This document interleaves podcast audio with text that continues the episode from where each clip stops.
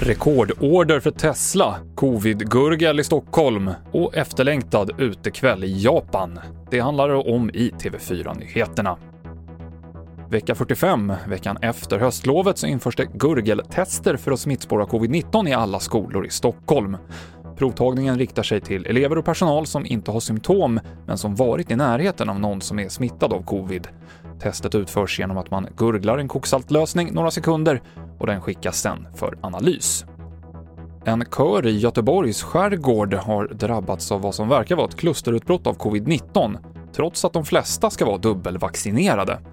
Bland de 30 medlemmarna har flera bekräftats smittade och hittills har sammanlagt 20 blivit sjuka med symptom.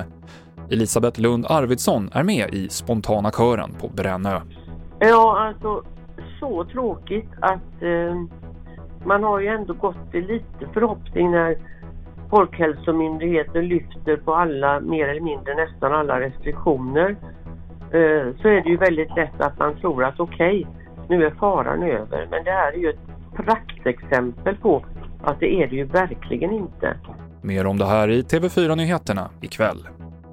Hyrbilsföretaget Hertz har lagt en beställning på 100 000 bilar från Tesla i ett första steg att elektrifiera hyrbilsflottan.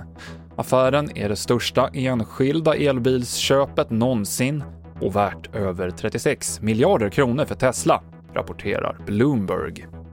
Och i de japanska storstäderna Tokyo och Osaka kunde invånarna för första gången på mycket länge ha en riktig utekväll. För det var första gången på 11 månader som man fick äta och dricka på krogen till klockan 11 på kvällen.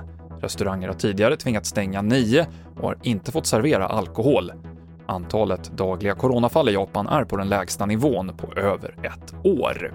Fler nyheter finns i appen TV4 Nyheterna. I studion Mikael Klintevall.